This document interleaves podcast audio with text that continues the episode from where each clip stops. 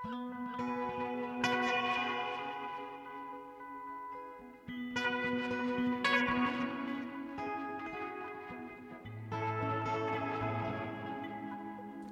hlustendu góður, sviðsett augnablík, biskups og business frú og innviðir hugans í Ísjá dagsins.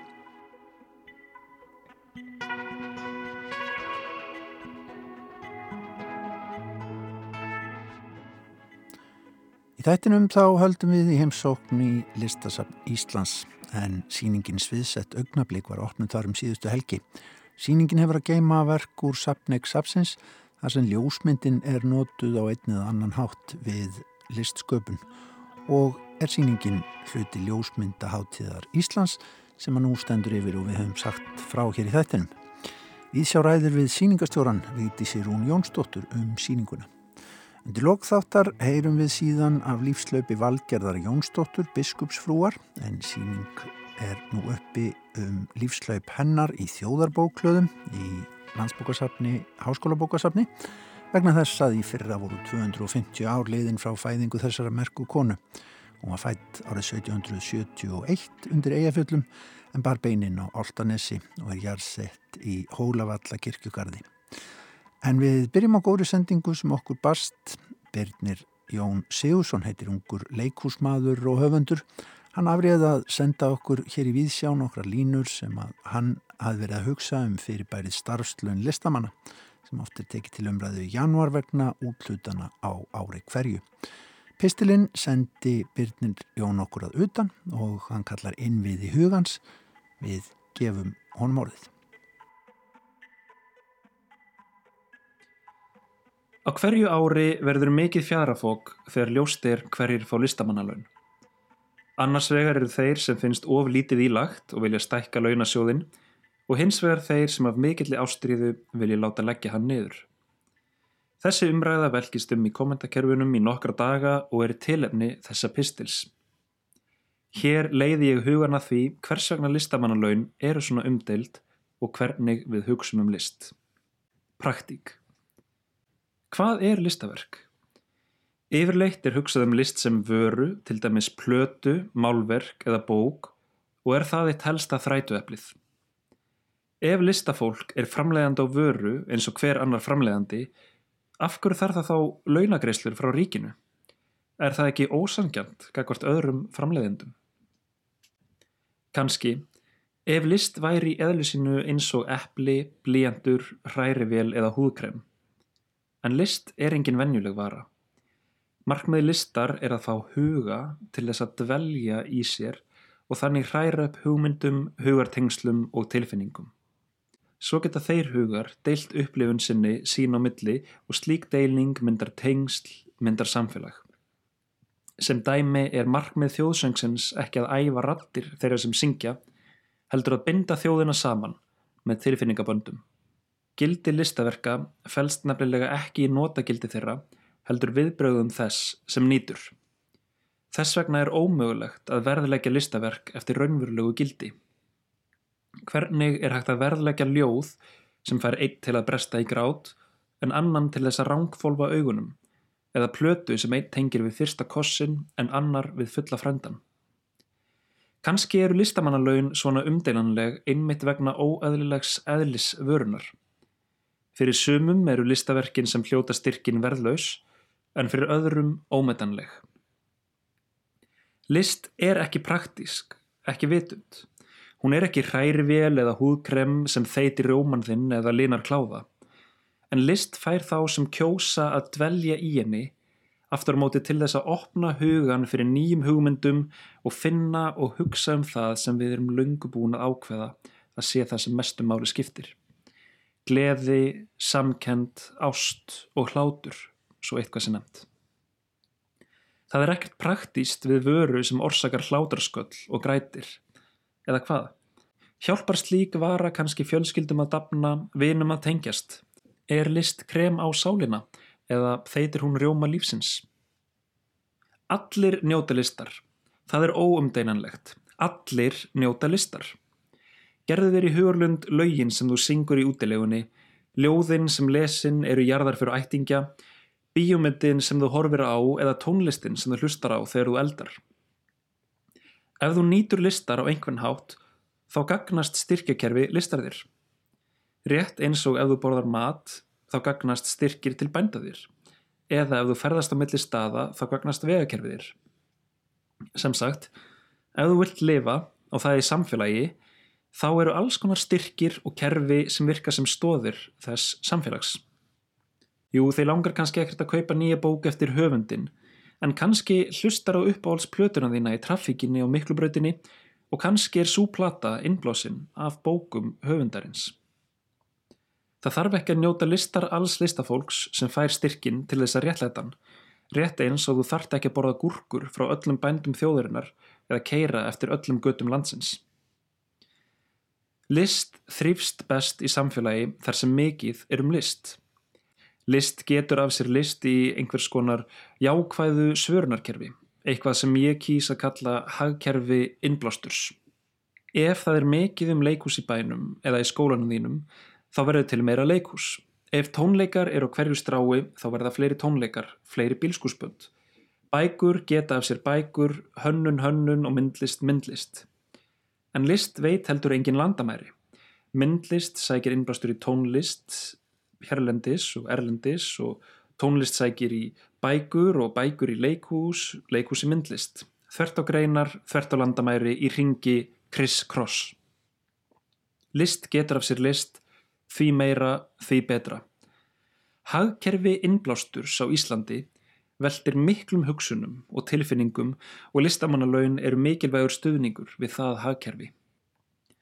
Vissulega væri list til þó ekki væri fyrir styrkjakerfið okkar, en hún væri minni í sniðum, einsleitari og óaðgengilegri. Veldan myndi minka og hagkerfi innblástur dragast saman.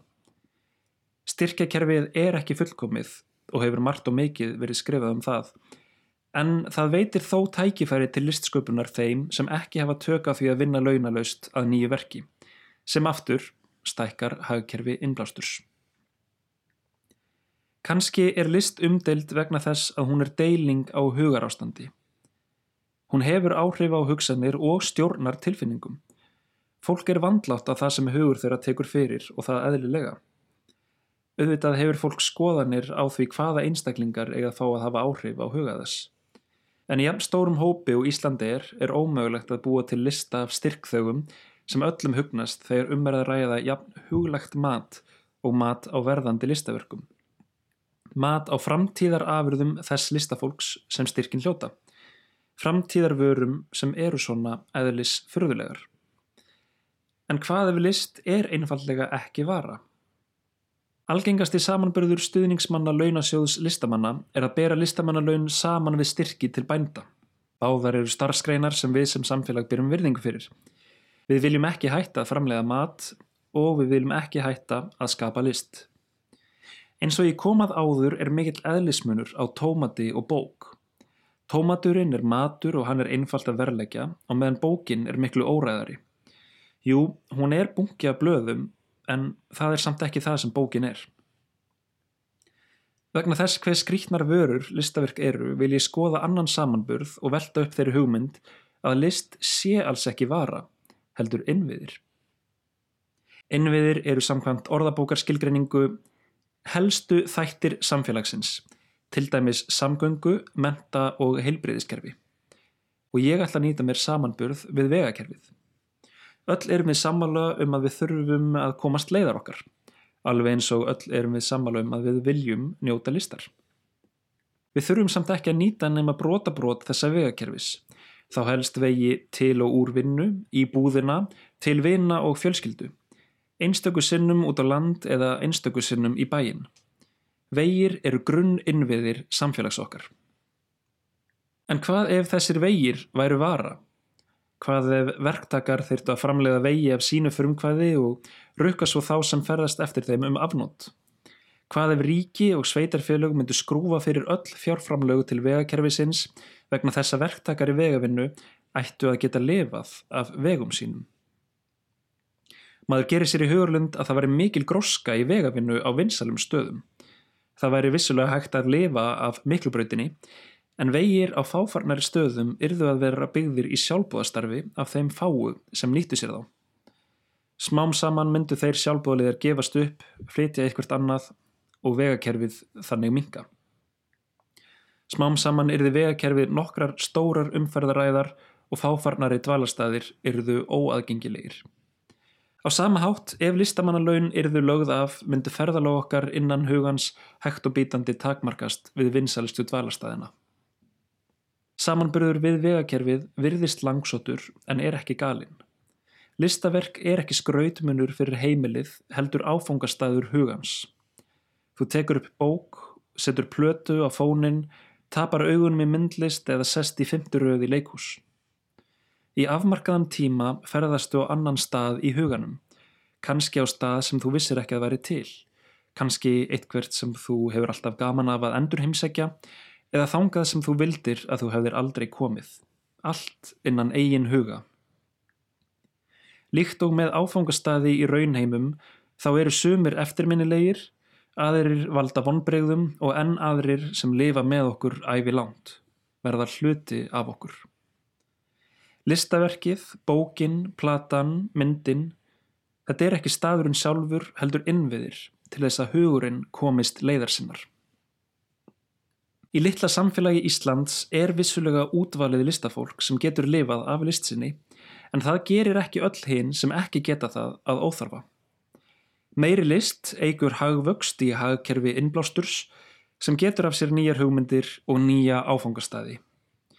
Rétt eins og við viljum geta ferðast um króka og kema Íslands, þá viljum við geta ferðast um alla áfangastæði hugans. Rétt eins og við þurfum vegi sem eru forsenda ferðaþjónustu, borga og bæja þurfum við list, innviði hugans sem þjónusta það sem skiptir okkur máli. Gleði, samkend, ást og hlátur, svo eitthvað sem nefnt. Já, innviðir hugans. Þetta saði Birnir Jón Sigursson leikúsmaður í pisti sem hann sendi okkur hér í Víðsjá og við þökkum pent fyrir þessar hugleðingar. En þá höldum við ágættu hlustendur niður í listasafn Íslands. Þar var opnuð síningin sviðsett augnablík um síðustu helgi.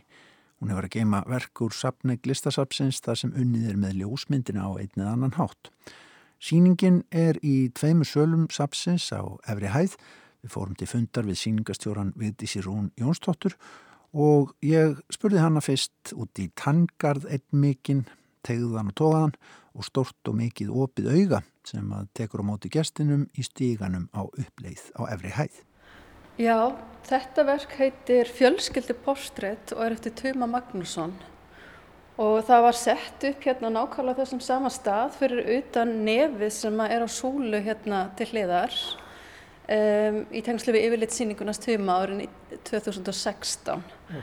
og mér fannst bara áhugavert að setja þetta aftur upp í tengslu með ljósmyndina því þetta er náttúrulega bara ljósmynd mm. og það er hérna, tækja móti gestum Já. sem svona Já, svona uppháspunktur síningar. Við horfum hérna á tangarð bara ansi myndarlega en, en tegðan síns manni Já, mér skil sko, ég mann ekki nákvæmlega hvernig þetta er en þetta er þess að líkamspartar úr andliti frá fjölskyldinast huma mm. nefið er hans. Mm. svo er eira hérna undir stiganum og mér skilst að það sé eira pa frá pappans já, já. og auga er að með minnir frá koninans ja. og hvort að tennutna sé ekki annað hvort dóttir hans eða sonur. Ég voni að fara rétt með þetta en þetta er svona eins og með minnir. Það búið að tjastla saman hilli fjölskyldu. Já og svo er verkið sko það er hugsað þannig að það verður að ná yfir rými sem það er sett inn í þannig að það verður að fylla át í rými. Mm og þegar verkið er sett upp þá er alltaf aðlaga, aðlaga að nýju rými. Eins og til dæmis nefi sem var hérna þessum stóra fliti hér. Ja. það var fært yfir á svona langa mjó og súlu. Ja. þannig að núna er nefi orðið svona fyrir eitthvað ógreinilegt sem nef. Það er svona tekt og tóðað allt saman. Löpum hérna upp inn í aðalsýninguna eða svo satt sviðsett augnablík og þú ert í rauninni bara að vinna með hér ljósmynda arfin, það er að segja það sem er til í sapneig listasaps Íslands af ljósmyndum. Sko þegar þú fórst að skoða þetta, hvernig hérna, hvað kom í ljós? Er þetta, er þetta meira mann grunna? Sko í raun að veru komur á óvart hvað við áttum mörgverk í safnauðinni.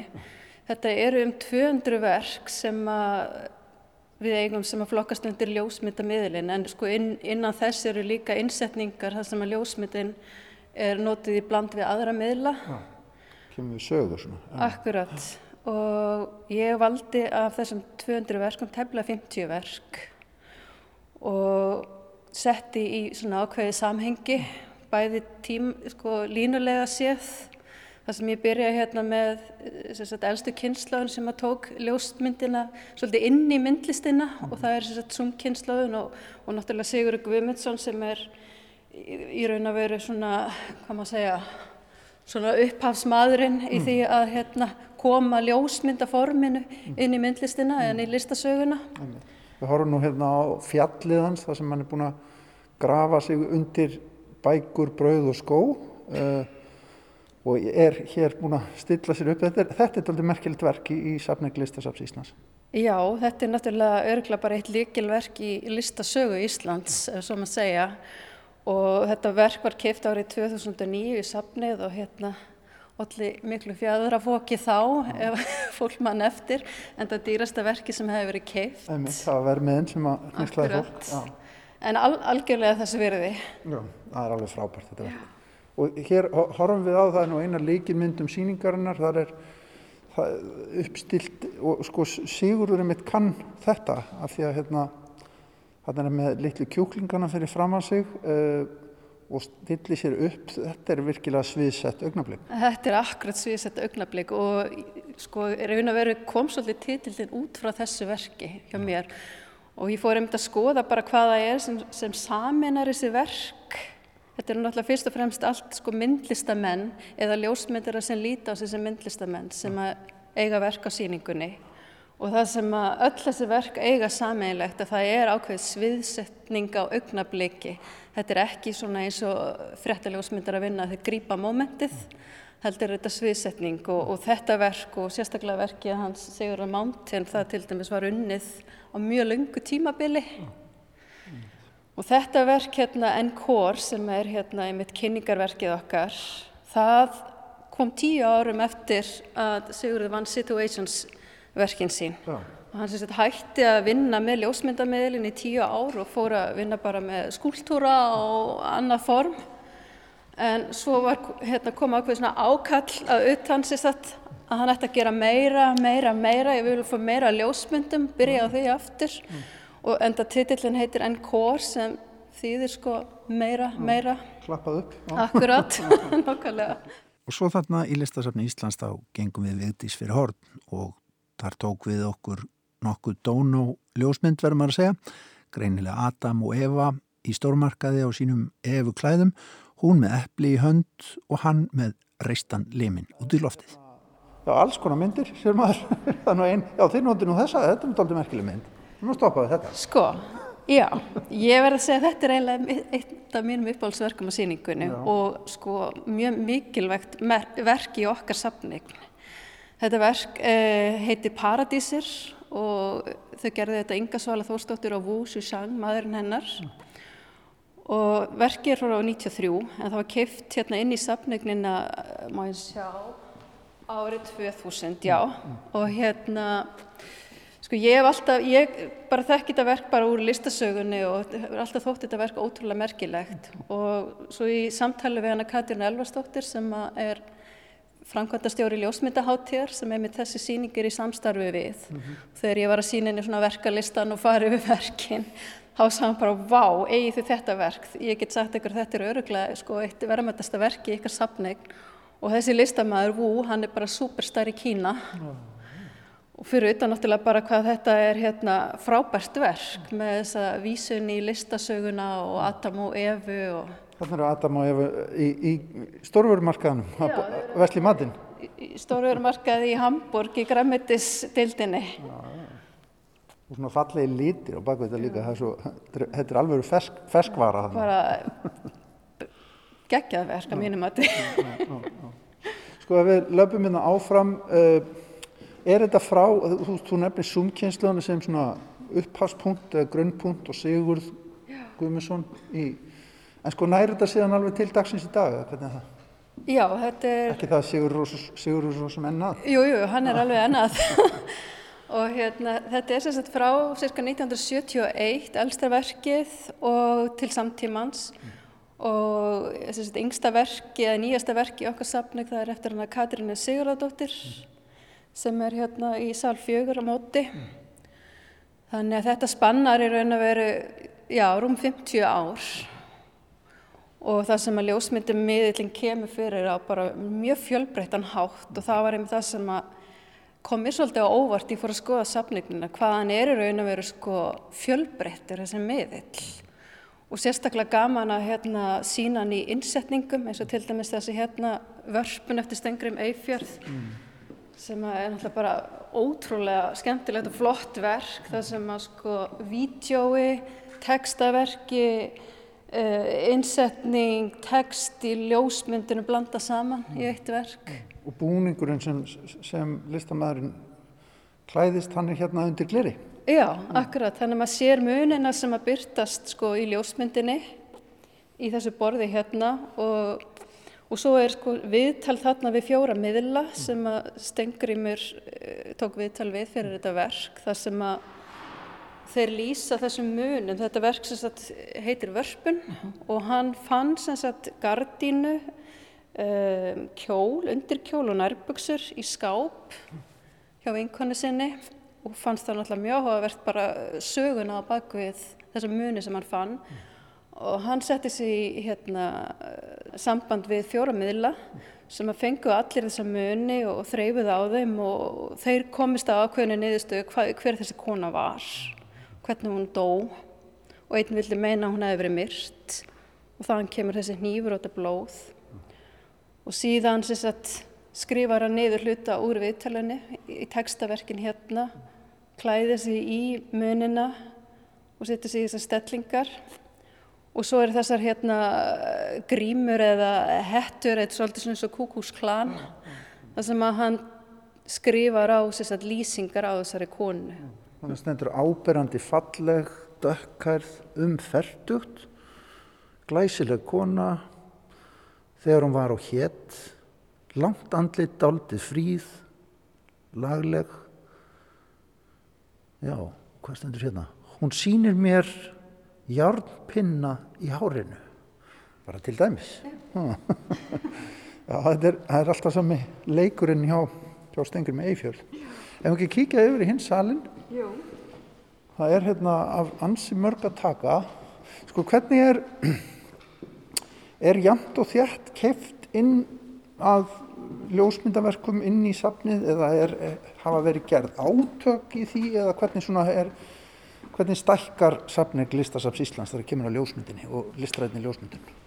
Sko, Ég, þetta er náttúrulega eitt af því sem ég skoðaði þegar ég var að hérna, velja saman þessi verka síninguna og mér að þetta áhugavert að sjá svona aukninguna eftir aldamótin 2000. Já. Það var svona greinilega hvort það var markvist tekið inn, veit ég ekki, en ég veit alltaf til þess að hérna, fyrir mm, þó nokkuð mörgum árum síðan að þá var hann bara ekkert í bóði hjá safninu að kaupa einn ljósmyndaverk. Þetta þótti bara ekki, þetta þótti ekki vera myndlist, þetta átti ekki heima á söfnun en sagt upp úr aldamótana 2000 þá fór þessi hérna nýja kynnslóð ljósmyndara, Pétur Thomsen, Spessi, Katrín Elvars og fleiri að menta sig sagt, í háskólum Erlendis og lærðu ákveðna svona hugmyndafræði sem að ljósmyndarar kynnslóðin þar á undan hafði ekki tilenga sér mm.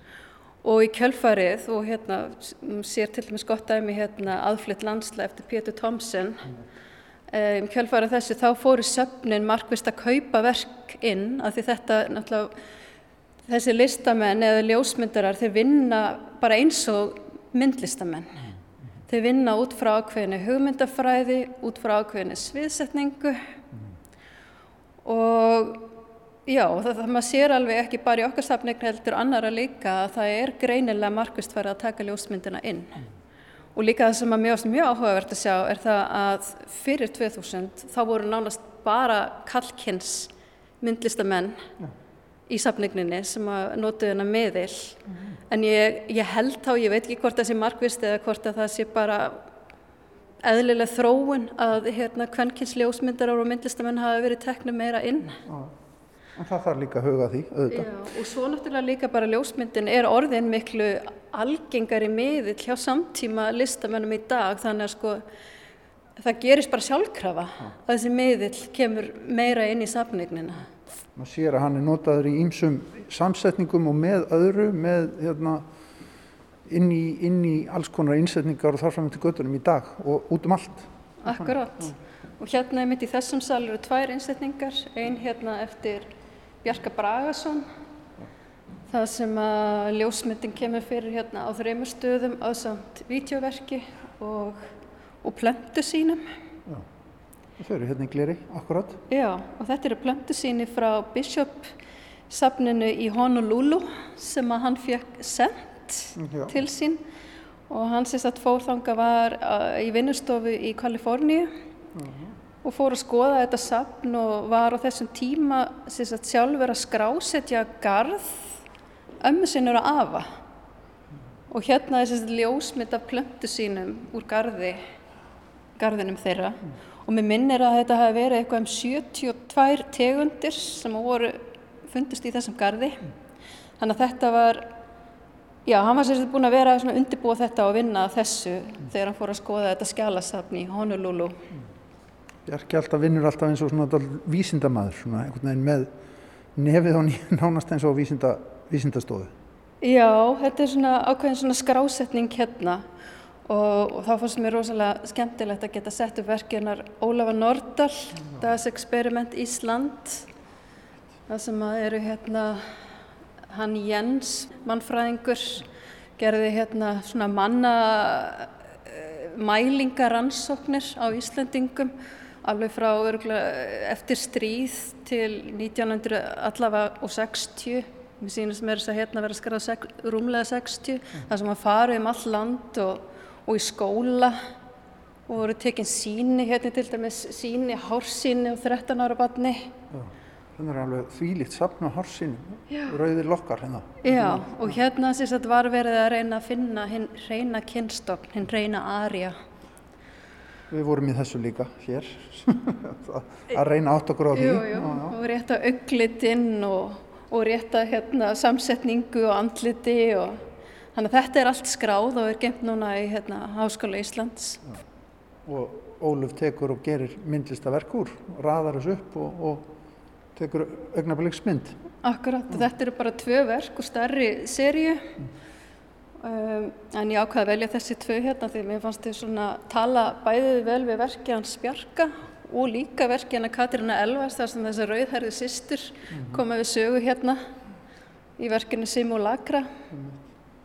Hver, hver á þessar myndir hérna út í hotni fallega meðal annars blómamynd og innan úr garðskála sínist mér? Já. Hver, hver, Þetta- þetta? Þetta er um Bára Kristinsdóttir, ljósmyndari og myndlistamæður. Og þetta er einmitt, við keftum þetta verk í safningninni bara minnum í fyrra,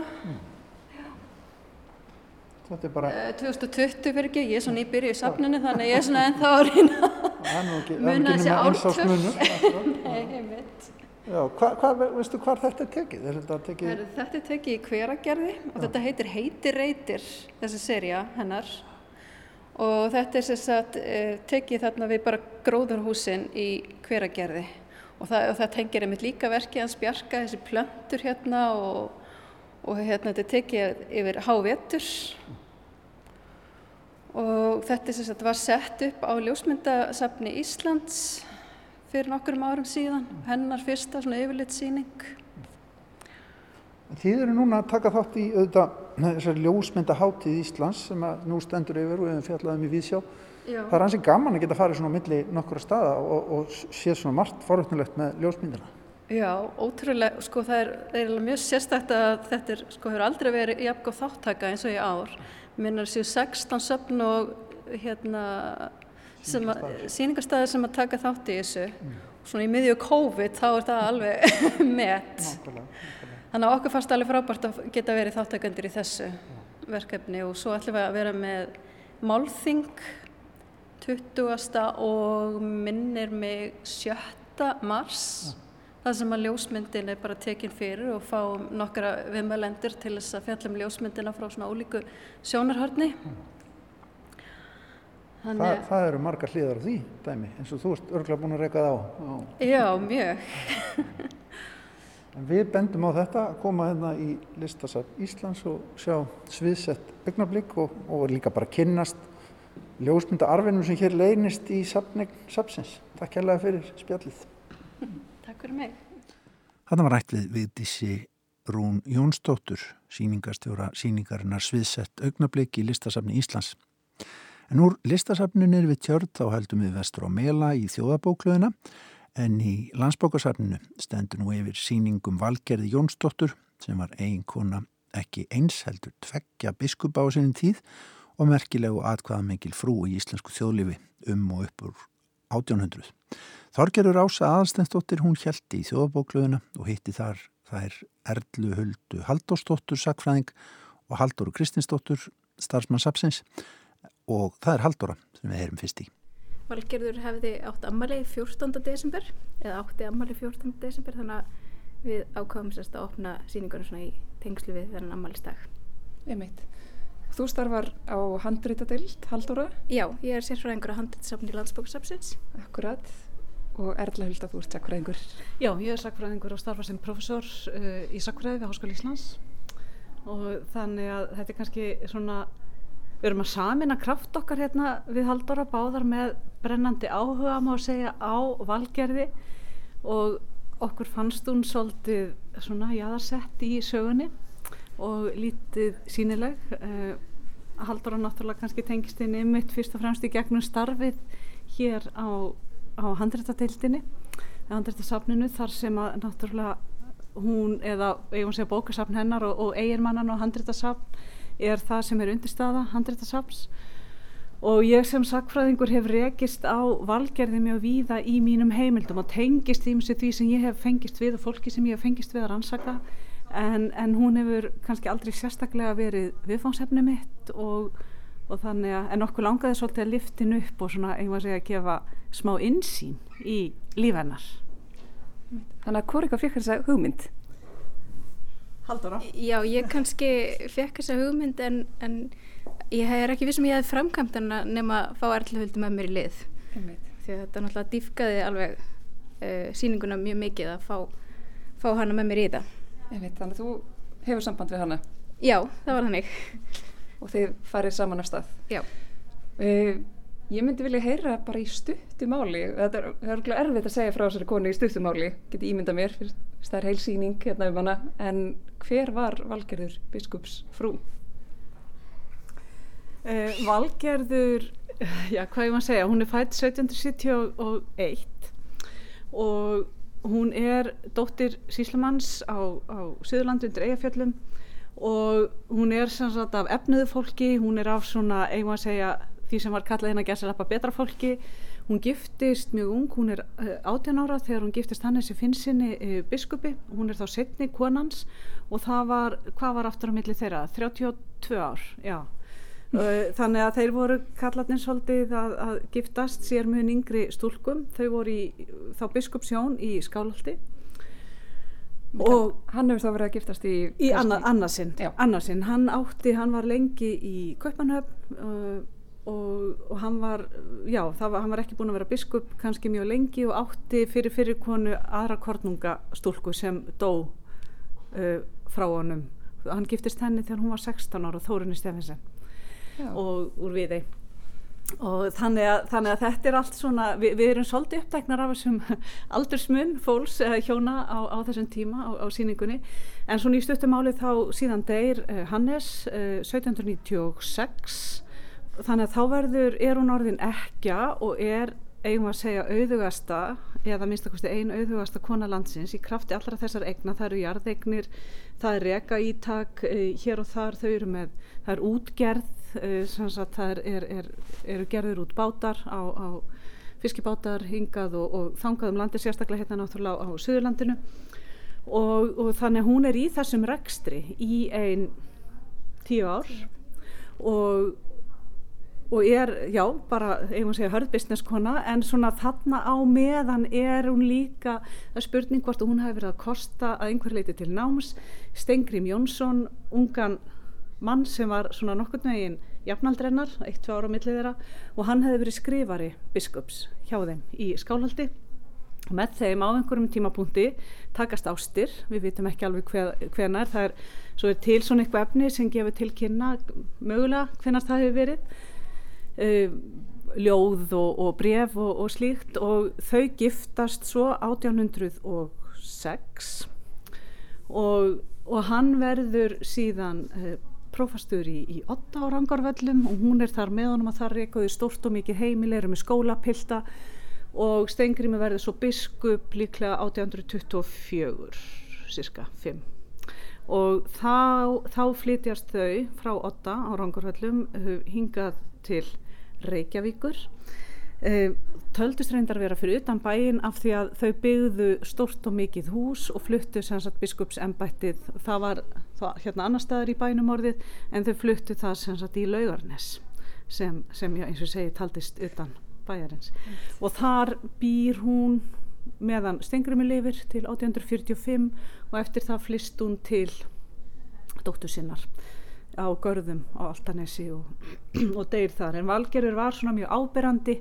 auðvitað sem fyrst þessi auðkona og svo er hann náttúrulega bara valdskona Einmitt. í íslensku samfélagi og hún kemur víða við sögu en við vitum ekki nóg um hana Einmitt.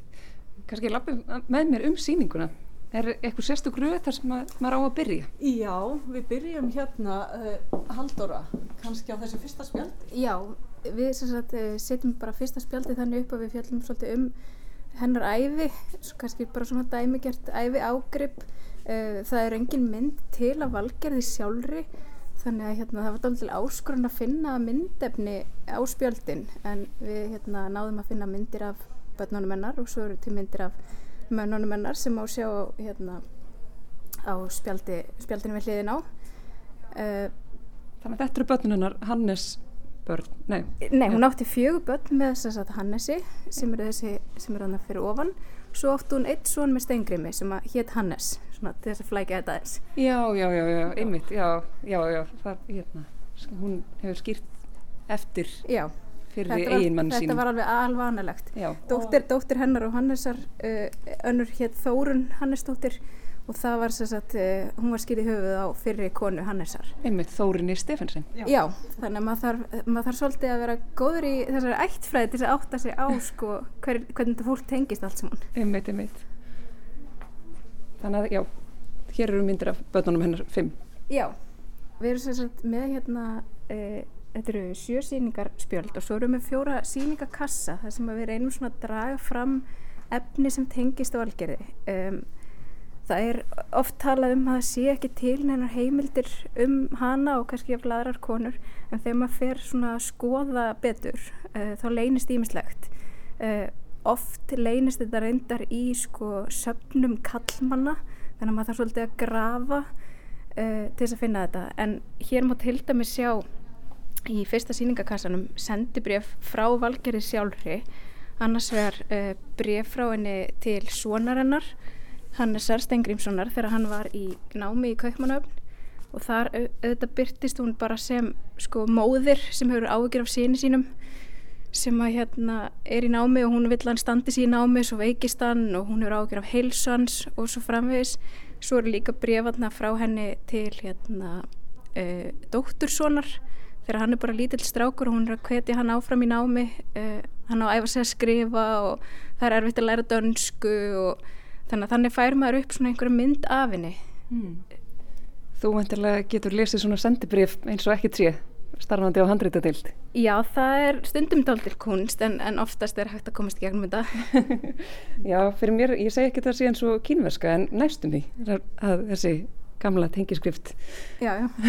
En uh, næsta spjald Já, hérna erum við með spjaldum það sem við kallum ástinn og hjónabandið og það er mitt ræðum aðeins um þessar uh, giftingar þar sem stúlkurnar bæði voru oft yngri og svo er þetta líka skildleika giftingar uh, það er mjög algengt og það hefur fjallað um það í fræðiritum að, að að fólk er og það er verið að gifta sagt, það er gerna sískinabönd eða eða annar frekar náinn skildleiki af því að þá er verið bæði sko að giftast innan sinnar stjættar uh, þannig að passa upp á það og líka einfallega passa upp á völd mm. og tengsl. Þannig að, að egnir uh, fari ekki úr ættinni.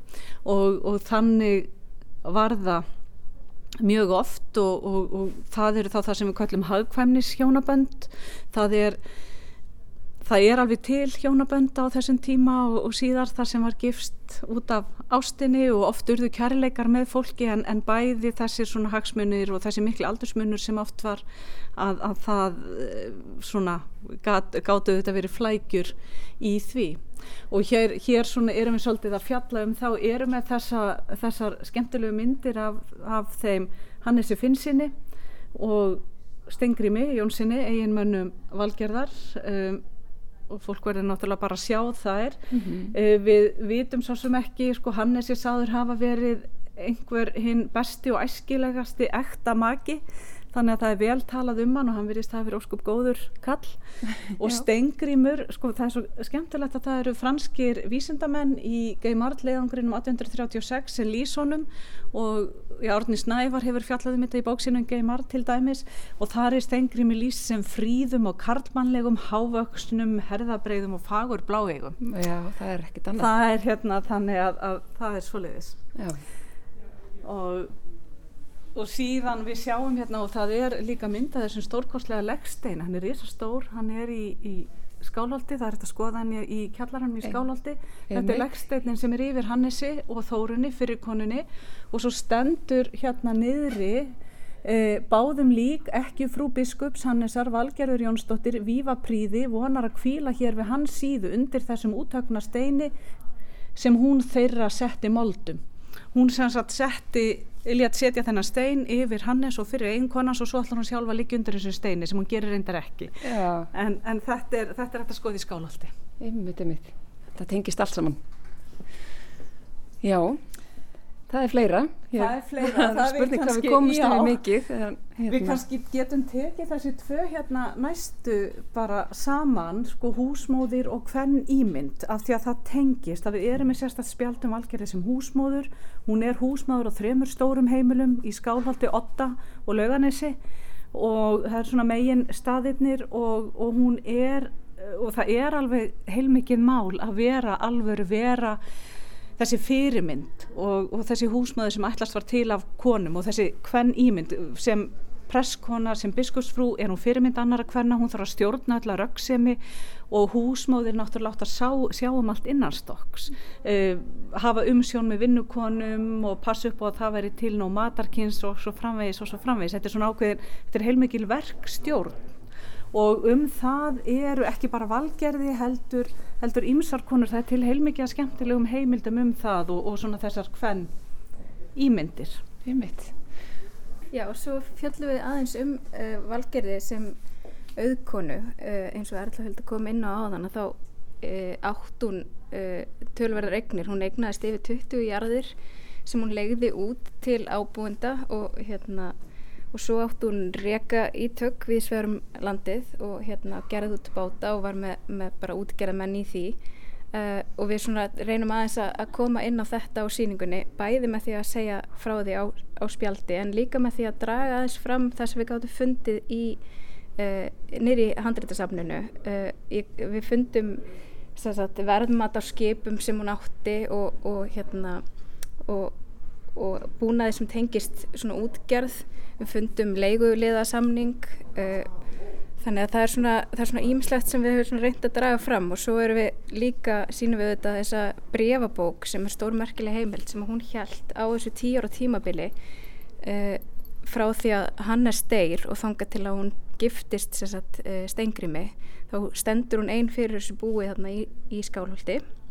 Og heldur sagt, brefabók yfir sín samskipti. Þetta er sérst afrita brefum sem hún sendi bæði viðskiptabref og persónuleg bref og þetta er eh, leifið mér að fullir það eina slíka bókin frá konu frá þessum tíma. Bókald, eiginlega. Já, en, en líka svona persónuleg bref þetta segir náttúrulega ímislegt um hennar líf. Ég veit og það eru náttúrulega hérna til og verið með til hér í þessum í kassa hér bref sem að til dæmis frá sýsturinnar móðurinnar skrifaði henni bref þannig að það er til alveg talsvist af brefum hvenna líka til valgerðar og þetta er að verulegu leiti órannsaka. Það hefur gerð einn um, lokarítgerð í Guðfræði, Karitas Kristjánsdóttir fyrir um 20 árum, þá vann hún með uh, breyfabókina í, í lokarítgerð en annað hefur raunverulega ekki verið gert. Þetta er alveg stórmerkilegt. Þannig að við erum svolítið að reyna kveikja í fólki líka með, með þessu sko. Sko okkur langar ekkit endilega, endilega að segja sko æfi sögu valgerðar á þessari síningu, það var aldrei markmiðið, heldur langar okkur freka kannski að draga fram svona myndir af henni eh, og, og svona týna til það sem hægt er að finna því að maður heyrir ofta þessa klísju það sé ekki til heimildir um þessar konur en það er bara ekkit þannig þegar maður fer að skoða máli betur. Einmitt. Og það er greinilega af nógu að taka hér því þetta veri efni í miklu lengri umfjöllun. Já. en við kannski ljúkum þessu á tísku fyrirmyndinni sem er stendur hér á næstríðasta spjaldinu. Já, nú er sko, nú þurftum við að hafa Hildi, eh, hverjum Hildi Rosenkjær sem rekur anriki.is sakfræðingur og sem er bara gúruinn okkar hérna í þessum tísku fræðum. Hún sáum, hún skrifaði þetta spjald fyrir okkur.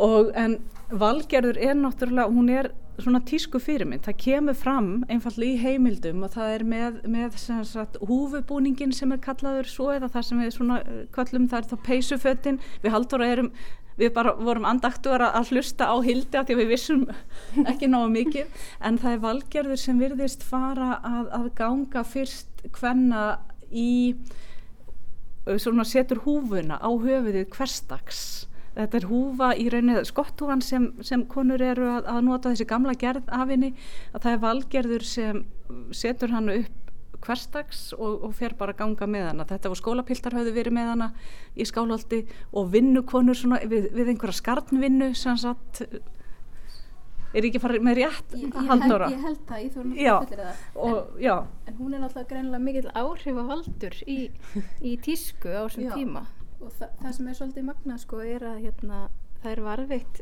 uppskrift af dánabúðunennar og við ákvaðum það, dánabúðu þetta sko fjallar um ímislegt sem hann átti húsbúnað, bækur og svo framvegis. En okkur langaði að leggja áherslu á sagt, fatnaðin og skartið sem hann átti. Kannski út af því að hún var þessi að tala um hana sem þess að tísku fyrirmynd. Eh, og þess vegna var svo frábært fyrir okkur að fá hildi með okkur í lið vegna þess að hún gætt sagt okkur hvað þetta þýtti Mhm. hvers konar fatnar þetta var og hvers konar skart og hún hefur líka lánað okkur á síninguna uh, muni sem hún á sem eru endurgerðir af skarti frá þessum tíma uh, sem, eru, sem stemma alveg við það sem kemur fram í dánabúna valgerur átti mm -hmm. Hérna til dæmis við sjáum þess að kraga Þetta eru endurgerðir frá Hildi, þessi þrýr og það eru nokkur kragar í dánabúi valgerðar. Hér sjáum við svona dæmigerða húfu eins og skottuðan var fyrst við húfubúningin og, og, að, og belti sem er líka frá Hildi þannig að þetta er, það er mjög gaman að spá í þetta og þannig er mikil saga, saga en ósögð, Alkjörlega. held ég. Það er einmitt líka kannski bara eitthvað við klæðina sem að færi mann nær personunni, finnst manni. Já og það má kannski þá bæta við einmitt að við erum hérna með mynd af samfellur eða af kvennbúningi sem er út á þjóðminjarsafni og og það er sem sagt þetta pils það er frá valgerði ok það er merklegt Já. Já. Var hún undir einhverjum erlendum áhrifum, veitir það? Hvort hún fór hún eitthvað til útlanda eða? Við vitum ekki til svona að það farið til útlanda. Það var ekkert mjög algengt að konur farið til útlanda á þessum árum en það, það þekktist en, en nei, en hún gæti hins vegar, ég meina fólk fjekk þekkingu í brefum og við erum allir í útlandu, í íslensku kalla sem voru í námi Erlendis, koma heim með tískustefnur og ströyma, við erum með Erlenda kaupmenn, einstakarsinnum voru eiginkonur með, þannig að ströymar berast hingað. En við erum samt kannski með Erlendum ferðamönnum þóttu íslenskar konur kannski pínulítið hallarislega stundum og það er alveg frækt, var ekki, cirka, var ekki 1810 á balli með Mackenzie og þeim hérna í, í Reykjavík, breskir ferðamenn bjóðu ball hérna og allar fínustu frúr bæjarins og, og einhverjar sem voru ekki fínar. Þær voru auðvitað í sínu fínasta pussi sumar kannski í íslenskum búning og það fannst þeim gaman að sjá þeir vildu sjá eitthvað þjóðulegt en þær komu hinnar í fínum kjólum sem voru svolítið eins og svona einhverjar kannski eh, landeiganda mögulega dætur eða, eða svona, það, þetta voru ekki eins og fínustu frútnar í Englandi, þær voru í gamanlega tísku já, hérna upp á Íslandi já. en þær voru, já, það, þannig að þetta er við höfum svona vísbendingar að það hef ekki alltaf allt verið samkvæmt nýjustu tísku Einmitt. en Hildur náttúrulega svo ég segi strax aftur enn eins og sakfræðingar háttur að Hildur hún reyndar sér alveg sko erlendu tískustraumana inn í litum, inn í sniðum og ímsu sem einhvern veginn er lagað að íslenskum veruleika Einmitt. og það, það er það sem er svo spennandi í því sem hún er að gera Já og það er kannski upplagt að nefna það lókum að Valgjörður er grafin í Hóluvalla kirkugarði Já, það er ekki fyrir því haldur að segja það því. Jú, hún er grafin þar. Eh, þegar að Stengrimur maðurinn hennar, setni maðurinn hennar dó, þá bað hún Jón Sigursson um að útvega eh, minnismerki yfir hann og hann valdi afskaplega fallegt minnismerki sem að hefði biskupnum uh, og það er kyrfilega mert uh, nafn, með nafni Stengrims. Uh, en einhverju lita vegna þegar Valgerur dó var hún ekki, sérst, fekk ekki sinn eigin legstein heldur en nafnið hennar fest á, á þennan legstein aftast eða sagt fyrir aftan neðarlega með, á, á plötu. Þar kemur nafnið hennar fram. Heim. og þetta er kannski svolítið tákgrænt bara fyrir það hvernig hún byrtist okkur. Já. Þannig að það er upplagt að skoða þessa síningu og rölda svo yfir götuna og vitja leiðis valgerðar. Algjörlega, algjörlega. Herri, ég kannski bara fyrir að gera það núna. Takk kærlega fyrir að taka á mótum mér hér í landsbókasafninu. Takk fyrir okkur. Takk fyrir komina. Þarna rætti Þorgerður Ása Adalsteinsdóttir við þær Erlu Huldu Haldósdóttur og Halldóru Kristinsdóttur um Valgerði Jónsdóttur, biskupsfrú, tvöfalda biskupsfrú á sínum tíma, merkilega konu í íslensku þjóðlífi um og upp úr 1800. En svona ágættu lustendur í gamla tímanum líkur við sjá í dag. Við verðum hér aftur á morgun eins og venjulega klukkan 16.05. Takk kærlega fyrir samfélgina og verið sæl.